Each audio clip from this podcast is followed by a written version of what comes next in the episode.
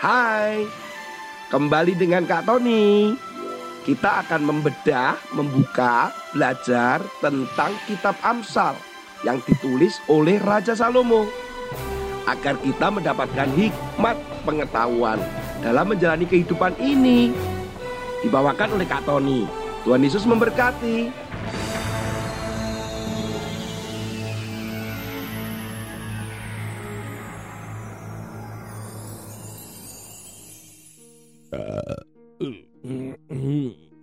Eh, Kak Tony, gak sopan ah sendawa di muka umum sehabis makan. Hmm, gak sopan itu.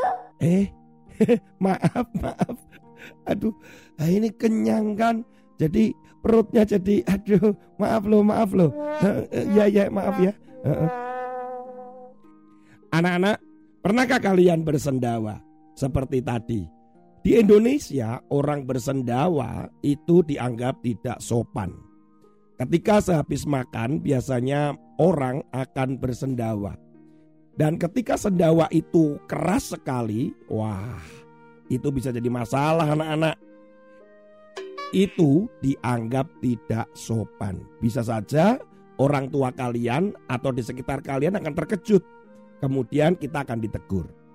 Anak-anak, tetapi di beberapa negara sendawa itu kayaknya nih itu tidak ada masalah.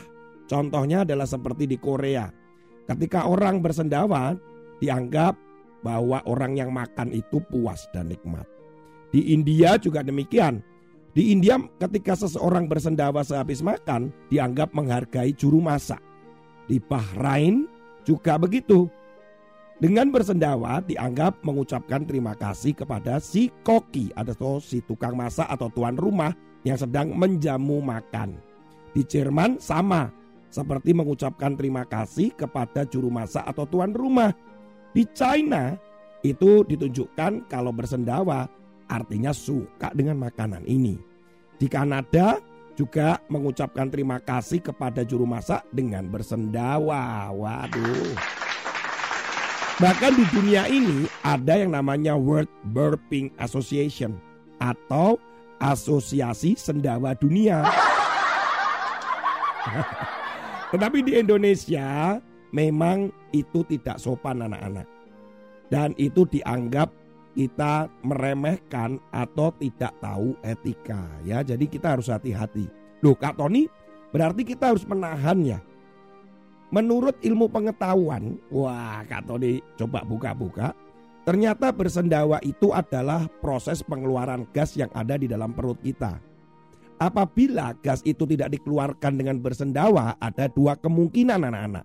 Yang pertama adalah akan keluarnya gas itu lewat usus kecil kita dan merembes, kemudian dia akan keluar. Apabila rambasan gas itu itu sudah menjadi beracun masuk ke dalam darah, maka bisa menjadi sumber penyakit. Hal yang lain ketika seseorang menahan sendawa, perut itu jadi kembung. Kalau sudah kembung, menurut para ahli dikatakan bisa lama-lama jadi buncit. Wah, itu ya. Jadi harus bagaimana bersendawa? Apalagi kalau sendawanya seperti Bapak Paulus Hon pencatat rekor Guinness World Record. Bagaimana dia bersendawa itu paling keras di dunia pada acara The New Paul O'Grady Show di London, Inggris pada tanggal 24 September 2008. Kalian tahu tidak kemampuan bersendawanya itu? Ternyata kemampuan bersendawanya itu mencapai 110 desibel. Itu keras sekali loh anak-anak. 110 desibel itu kalau Kak Tony lihat itu sebenarnya sama dengan suara MP3 player kalau kamu kerasin itu volumenya atau suaranya full. Wah, wah, wah. Itu ya 110 desibel itu lebih keras dari alat pemotong rumput yang itu. 110 desibel itu lebih keras dari suara kereta bawah tanah atau kalau kalian punya motor di rumah deng deng deng deng deng deng, deng begitu. Jadi bisa dibayangin ketika Pak Paul ini bersendawa, mungkin satu ruangan itu akan mendengar semuanya. Ya kalau memang seperti Pak Paul ini benar-benar mengeluarkan sendawa tetapi benar-benar tidak sopan anak-anak. Ini yang kita harus bicara, ini yang harus kita belajar. Kita harus belajar apa Kak Tony? Firman Tuhan katakan di dalam Amsal pasal 11 ayat yang ke-12. Siapa menghina sesamanya tidak berakal budi, tetapi orang yang pandai berdiam diri. Firman Tuhan katakan kita jangan menghina orang lain.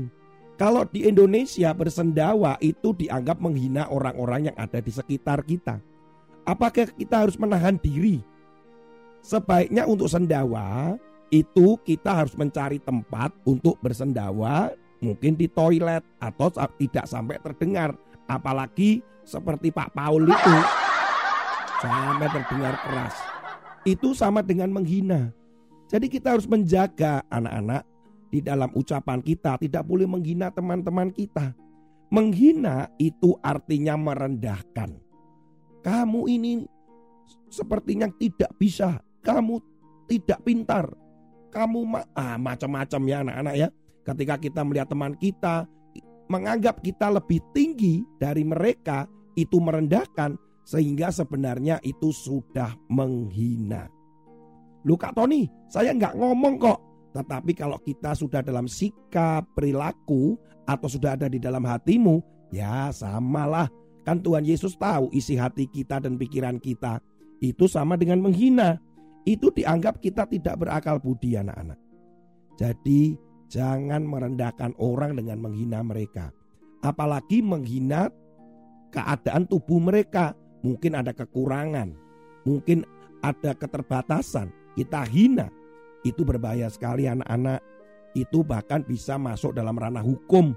Kalau dilaporkan, kita bisa menjadi orang yang terdakwa atau ditangkap oleh yang berwajib itu apalagi kalau kita ngomongin tentang tubuh. Namanya body shaming. Artinya kita menghina, mengejek bagian tubuh dari orang lain. Ini masuk undang-undang kekerasan anak-anak. Jadi ayo tahan supaya kita tidak menghina orang lain. Kita puji orang lain, kita hibur orang lain, kita kuatkan mereka. Kita kalau melakukan itu maka kita disebut orang-orang atau anak-anak yang berakal budi. Ayo kita belajar supaya kita tidak bersendawa. Aduh, maaf, maaf. Bukan maksudnya, ayo kita belajar untuk menahan diri. Kalau bersendawa, ya bersendawalah, tetapi di tempat pribadi atau tempat kecil atau jangan sampai keluar suaranya. Supaya kita dianggap tidak menghina orang-orang yang ada di sekitar kita. Tuhan Yesus memberkati kalian semua dan ketemu lagi dengan Kak Tony pada episode berikutnya. Haleluya.